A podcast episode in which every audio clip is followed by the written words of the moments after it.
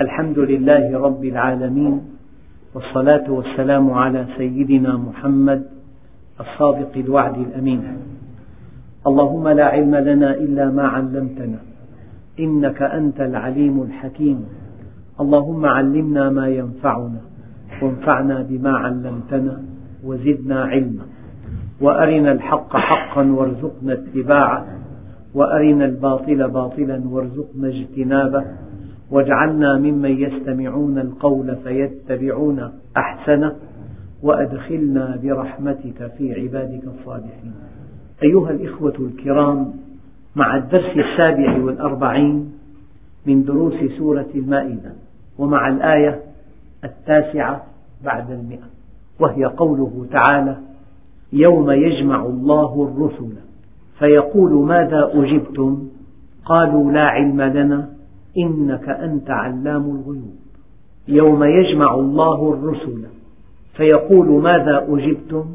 قالوا لا علم لنا إنك أنت علام الغيوب.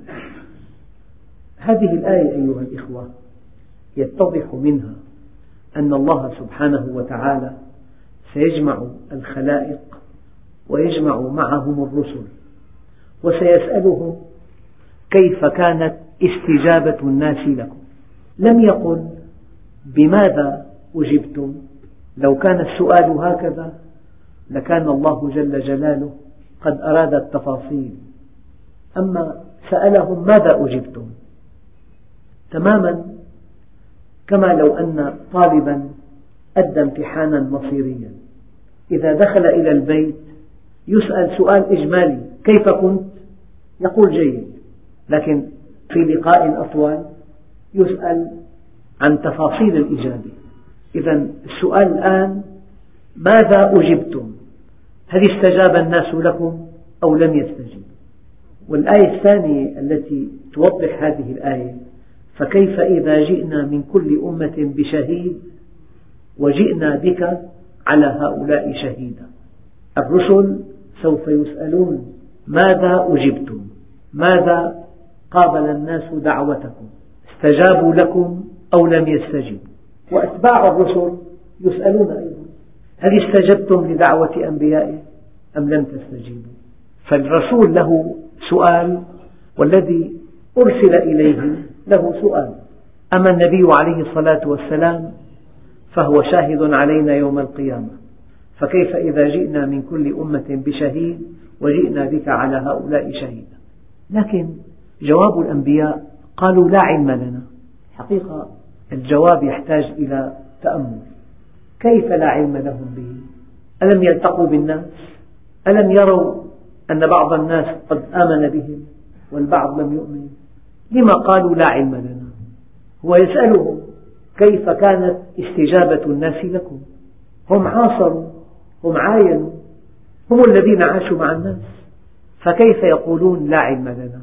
من أدق ما قاله المفسرون حول هذه الإجابة التي لا تعني التفاصيل أن الأعمال الظاهرة لا قيمة لها عند الله إلا إذا رافقتها نوايا عظيمة نوايا مخلصة. فنحن نحكم بالظاهر والله يتولى السرائر.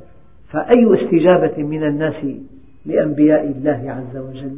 هذه الاستجابة في الظاهر لكن المضمون متعلق بالنوايا. يعني مثلا لو أن إنسانا يملك أراضي شاسعة وجاء من أخبره أنك إذا تبرعت بأرض لمسجد البلدية تضطر أن تنظم الأرض وأن تجعلها محاضر وعندئذ ترتفع قيمتها إلى ضعفين. فهذا صاحب الأرض بدافع من حبه للربح. يقدم قطعة أرض لتكون مسجدا. فكل من شاهد هذا التبرع يثني عليه ما شاء الله. ما شاء الله محسن كبير. قدم أرض لتكون مسجدا. لكن الله وحده يعلم أنه ما قدم هذه الأرض لتكون مسجدا إلا من أجل تنظيم الأرض ورفع ثمنها. فلذلك نحن جميعا كبشر نحكم بالظاهر. والله يتولى السرائر. فأنا حينما لا أزكي أحدا على الله أكون متأدبا مع الله. أنا حينما لا أزكي أحدا أكون متأدبا مع الله. لذلك كان السلف الصالح إذا أرادوا أن يزكوا إنسانا قال نحسبه صالحا ولا نزكي على الله أحدا. نحسبه صالحا ولا نزكي على الله أحدا. إذا إجابة الأنبياء من هذا القبيل. قالوا لا علم لنا. يعني بعض الناس استجابوا لنا. لكن لما استجابوا؟ ما مستوى إخلاصهم؟ ذلك لأن الإخلاص لا يطلع عليه أحد إلا الله. لا ملك ولا غير ملك. تقوم بعمل. طيب. من هنا جاء قوله تعالى وقدمنا إلى ما عملوا من عمل فجعلناه هباء منثورا. يؤتى برجال يوم القيامة لهم أعمال كجبال تهامة يجعلها الله هباء منثورا. قيل يا رسول الله جلهم لنا. قال إنهم يصلون كما تصلون ويأخذون من الليل كما تأخذون ولكنهم إذا خلوا بمحارم الله انتهكوها. إذا قدمنا إلى ما عملوا من عمل فجعلناه هباء منثورا. وذكرت مرة أن رجلا لزم الصف الأول في صلاة الفجر أربعين عاما وفي أحد الأيام غفل وقت صلاة الفجر فلم يحضر الصلاة. فقال ماذا يقول الناس عني في هذا اليوم؟ فهم من هذا القلق أنه إنما يصلي من أجل الناس. فلذلك قضية الإخلاص قضية مهمة جدا. أنا لا أريد أن أبخس عمل أي إنسان ولكن لينتبه الإنسان أن الإخلاص أساس الدين. الإنسان مكلف أن يعبد الله مخلصا له الدين. الإخلاص في العبادة هو الذي يعطي العبادة قيمتها. إذا من شدة أدبهم مع الله قالوا لا علم لنا. والنبي عليه الصلاة والسلام كان عند بعض أصحابه الذين توفاهم الله. من عادته كان عليه الصلاة والسلام أنه إذا توفي أحد أصحابه كان يأتي بيته قبل أن يغسل من باب التكريم. فبلغه أن أحد أصحابه اسمه أبو السائب قد وافته المنية فذهب إلى بيته فسمع امرأة تقول من وراء الستار هنيئا لك أبا السائب لقد أكرمك الله. لأنه نبي مرسل ولأن سكوته إقرار سنته أقواله وأفعاله وإقراره. فلو سكت لكان كلامها صحيحا فقال لها ومن أدراك أن الله أكرمه؟ قولي أرجو الله أن يكرمه. وفرق كبير بين أن تقول أكرمك الله وبين أن تقول أرجو الله أن يكرمك. ألا وأنا نبي مرسل لا أدري ما يفعل بي ولا بكم. نحن من باب علم اليقين. من هو الذي سوف يدخل الجنة مؤكدا؟ عشر أشخاص في الأمة الإسلامية. بشرهم النبي بالجنة. وما سوى ذلك على الرجاء جميعا. ليس معنى هذا أن عملك الصالح يضيع عند الله؟ لا. ولكن من باب الأدب مع الله لا يجوز لأحد أن يتألى على الله. أنت حينما تحكم على مصير إنسان حكما قطعيا فهذا سماه العلماء التألي على الله. ألا وأنا نبي مرسل لا أدري ما يفعل بي ولا بكم. إذا كلمة الأنبياء والرسل لا علم لنا كلمة توحيدية وفي أعلى درجة من الأدب. يوم يجمع الله الرسل فيقول ماذا أجبتم؟ قالوا لا علم لنا. إنك أنت علام الغيوب. أنت المطلع يا ربي على الخبايا. أنت الذي تعرف السرائر. أنت الذي تعرف الظاهر. وتعرف الباطن وتعرف السرائر. أنت الذي تعرف ما يخفيه الإنسان عن الآخرين. وتعرف ما يخفى عنه. تعلم ما يخفي وتعلم ما يخفى عنه. لذلك قال تعالى لا تخفى على الله خافية. علم ما كان وعلم ما يكون وعلم ما سيكون وعلم ما لم يكن لو كان كيف كان يكون. يوم يجمع الله الرسل فيقول ماذا أجبتم؟ قالوا لا علم لنا إنك أنت علام الغيوب. الآن في سؤال موجه لسيدنا عيسى عليه الصلاة والسلام. بخصوصية في هذا النبي الكريم. ذلك أن الله سبحانه وتعالى بعث الأنبياء والمرسلين. من الناس من استجاب له ومن الناس من لم يستجب له من الناس من كذبهم من الناس من آمن بهم. لكن السيد المسيح عليه وعلى نبينا أفضل الصلاة والسلام له خصوصية. ذلك أن الذين دعاهم إلى الله إما أنهم ألهوه أو أنهم وصفوه بأنه ابن الإله. إذا لا بد من سؤال تفصيلي حول هذه الظاهرة التي ينفرد بها السيد المسيح. يوم يجمع الله الرسل فيقول ماذا أجبتم؟ قالوا لا علم لنا إنك أنت علام الغيوب. إذ قال الله يا عيسى ابن مريم ولم يذكر في القرآن إلا السيدة مريم وحدها لأن سيدنا عيسى ليس له أب. فقال الله عنه عيسى ابن مريم. إذ قال الله يا عيسى ابن مريم اذكر نعمتي عليك وعلى والديك. والحقيقة في ملمح بالآية دقيق جدا هو أن هذه النعم يعرفها السيد المسيح معرفة تامة هو الذي تلقاها من الله عز وجل أو جرت على يديه. ولكن هذا تقريع للذين لم يؤمنوا به. كل هذه النعم وهذه المعجزات التي أجراها الله عليه ومع ذلك لم تؤمنوا. إذ قال الله يا عيسى ابن مريم اذكر نعمتي عليك اذكر نعمتي عليك وعلى والدتك إذ أيدتك بروح القدس. حينما أراد الله جل جلاله أن تكون معجزة هذا النبي أنه ولد من دون أب. أمه السيدة العذراء ولدته من دون أن يمسها بشر.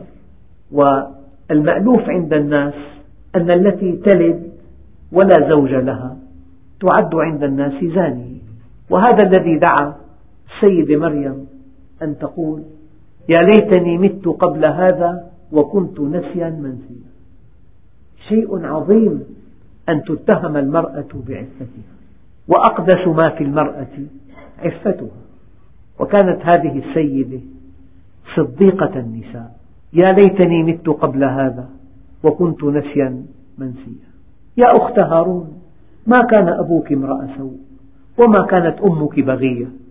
وفي بالآية إشارة إلى أن الوالدين الصالحين من لوازم صلاحهما أن يكون الابن صالحا.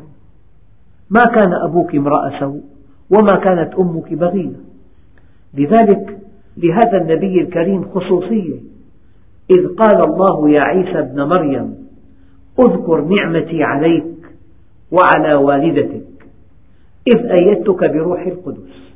روح القدس هو سيدنا جبريل عليه السلام. تكلم الناس في المهد. يعني الطفل في المهد لا يملك شيئا يعني ضعف مطلق لا يستطيع لا أن يتكلم ولا أن يأكل وحده ولا أن يقضي حوائجه وحده. يعني حضيض الضعف حينما يكون الطفل في المهد. المهد فراش مهيأ له لأنه لا يستطيع أن يفعل شيئا. لو أن في الفراش بحثا لا يستطيع أن يزيلها. هذا الطفل الذي في المهد إذا به ينطق ويتكلم لأن أمه لزمت الصمت هي متهمة الآن ودفاعها عن نفسها لا يقدم ولا يؤخر. والناس لن يصغوا لها. فكانت هذه المعجزة أن وليدا في المهد يقول إني عبد الله. آتاني الكتاب وجعلني نبيا. وجعلني مباركا أينما كنت وأوصاني بالصلاة والزكاة ما دمت حيا. تكلم هذا الوليد وهو في المهد ليبرئ أمه. هذه معجزة كبيرة. هذا يذكرنا بماشطة بنت فرعون التي وقع المشط من يدها فقالت سبحان الله. قالت ابنة فرعون ألك رب غير أبي؟ قالت الله ربي وربك ورب أبيك. قالت بنت فرعون سأذكر هذا لأبي. فلما أخبرت أباه جاء بهذه الناشطة مع أولادها الأربعة وجاء ببقرة من نحاس وأضرم فيها النار حتى احمرت وأمسك ولدها الأول وقال لها ألك رب غيري؟ قالت الماشطة الله ربي وربك. فألقاه في النار حتى تفحم. أمسك الولد الثاني وقال ألك رب غيري؟ فقالت الله ربي وربك. فألقى ولدها الثاني في النار حتى تفحم. ثم أمسك ولدها الثالث وقال ألك رب غيري؟ قالت الله ربي وربك. فألقاه في النار حتى تفحم. فلما أمسك الرابع وقال لها ألك رب غيري سكتت.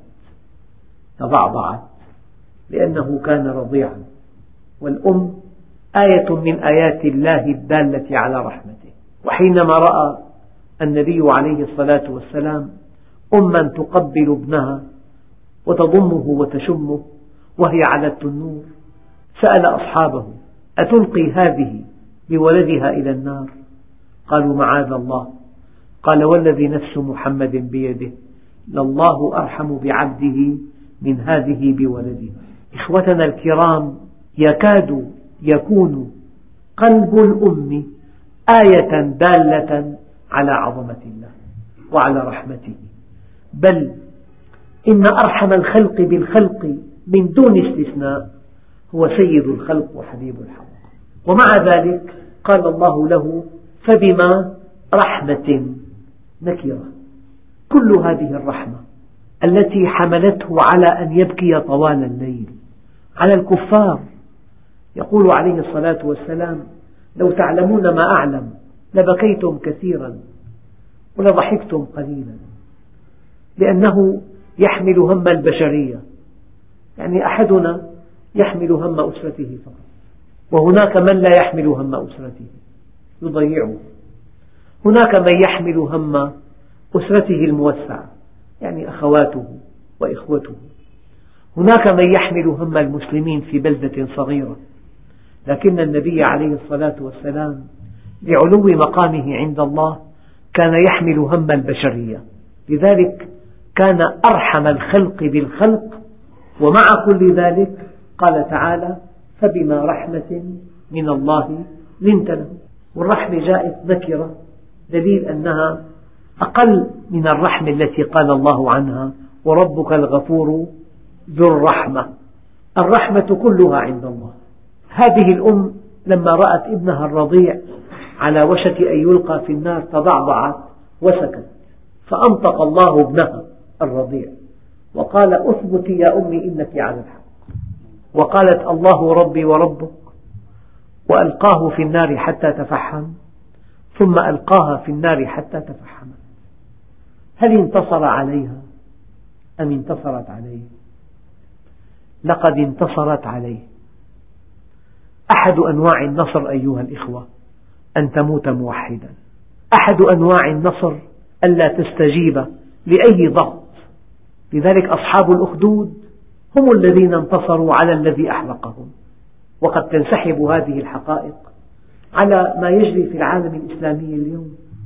هذا الذي يقتل موحدا يقتل مستقيما يقتل صحيح العقيدة.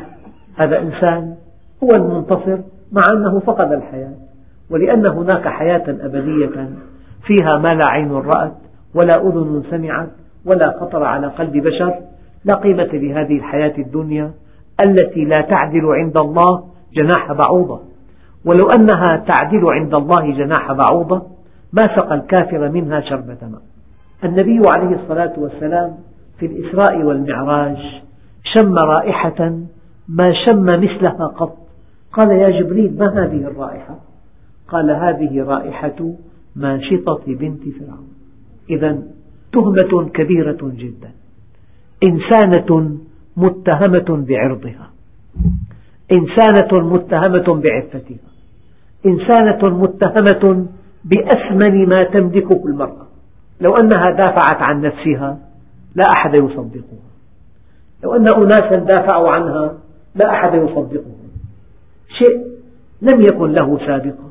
غلام يلد من امرأة غير متزوجة. بحسب الوقائع والمألوف والعادات هي زانية قطعا. واليهود اتهموها بالزنا. أساسا لذلك جاء نطق ابنها أعظم تبرئة لها إذ قال الله يا عيسى ابن مريم اذكر نعمتي عليك وعلى والدتك إذ أيدتك بروح القدس. روح القدس هو جبريل تكلم الناس في المهد.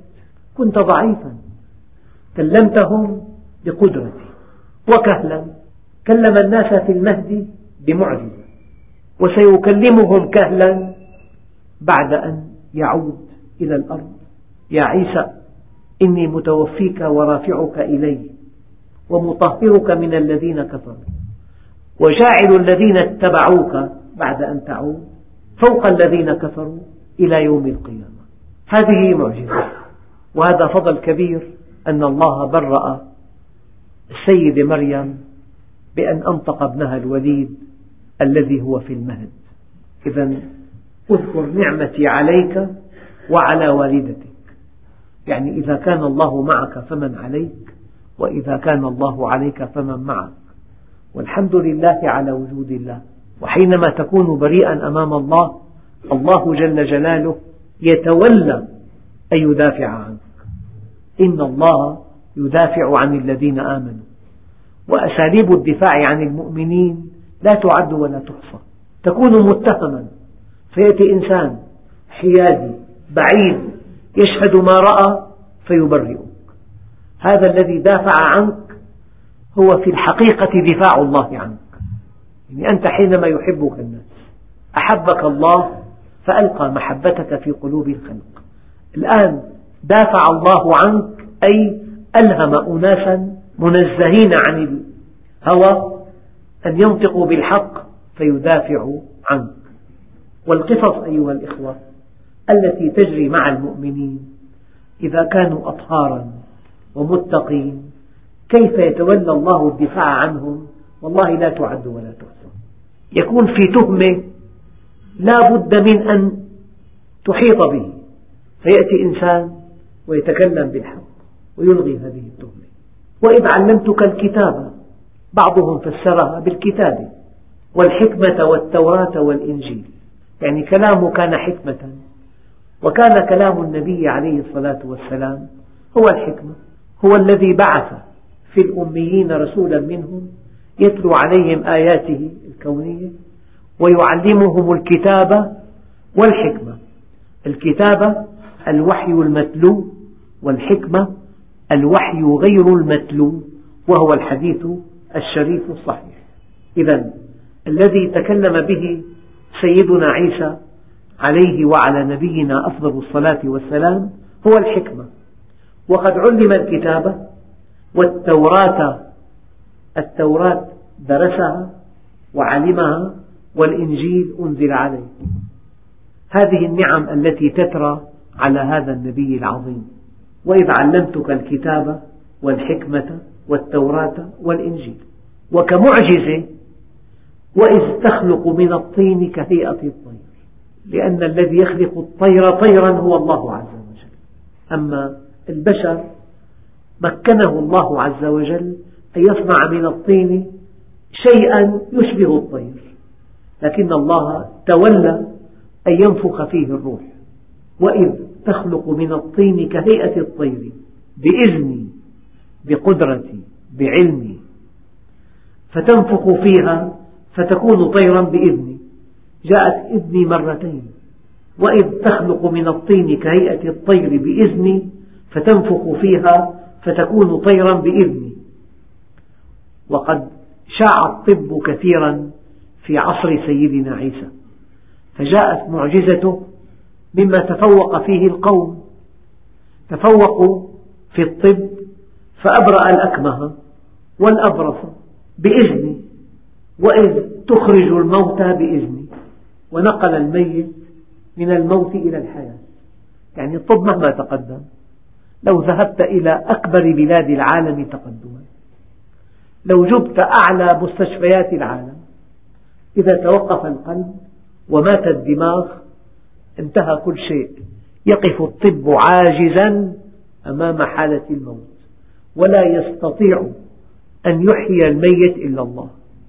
لكن الله سبحانه وتعالى أجرى هذه المعجزة على يد سيدنا عيسى عليه وعلى نبينا أفضل الصلاة والسلام.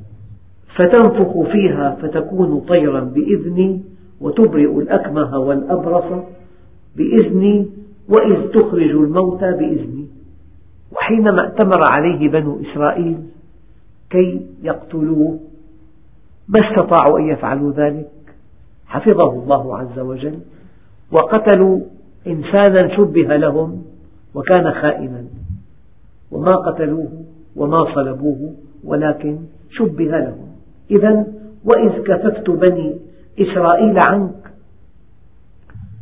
يروى أن سيدنا رسول الله وهو في الغار قال له الصديق يا رسول الله لقد رأونا. يعني وقعت عينهم عليهما انتهى. قال يا أبا بكر ألم تقرأ قوله تعالى وتراهم ينظرون إليك وهم لا يبصرون وإذ كففت بني إسرائيل عنك إذ جئتهم بالبينات فقال الذين كفروا منهم إن هذا إلا سحر مبين. إذا في أسئلة تفصيلية لهذا النبي الكريم لأن له خصوصية وهي أن الذين حوله والذين أرسل إليهم وصفوه بأنه إله أو بأنه ابن الإله. فجاءت هذه التفاصيل. فأن يخلق من الطين ما يشبه الطير فينفخ فيه فيكون طيرا كان هذا بإذن الله وقدرته ولا بإذن المسيح وقدرته. بإذن جاءت مرتين وأن يبرئ الأكمه والأبرص بإذني لا بقدرة المسيح ولا بإذنه ولكن بقدرة الله وإذنه. وإذ تخرج الموتى بإذني أي بقدرة الله وإذنه لا بقدرة المسيح وإذنه. إذا هو عبد يجري الله على يديه المعجزات. وإذ كففت بني إسرائيل عنك والإنسان أحيانا الله عز وجل يحفظه يعمي عنه الأبصار أرادوا قتله ولم يستطيعوا وما قتلوه وما صلبوه ولكن شبه له. وإذ كففت بني إسرائيل عنك إذ جئتهم بالبينات فقال الذين كفروا منهم إن هذا إلا سحر مبين. أيها الإخوة الكرام لا بد قبل نهاية الدرس من توضيح هذه الحقيقة. الإنسان إذا أراد الحقيقة إذا أراد الحقيقة أقل شيء في الكون يدله على الله.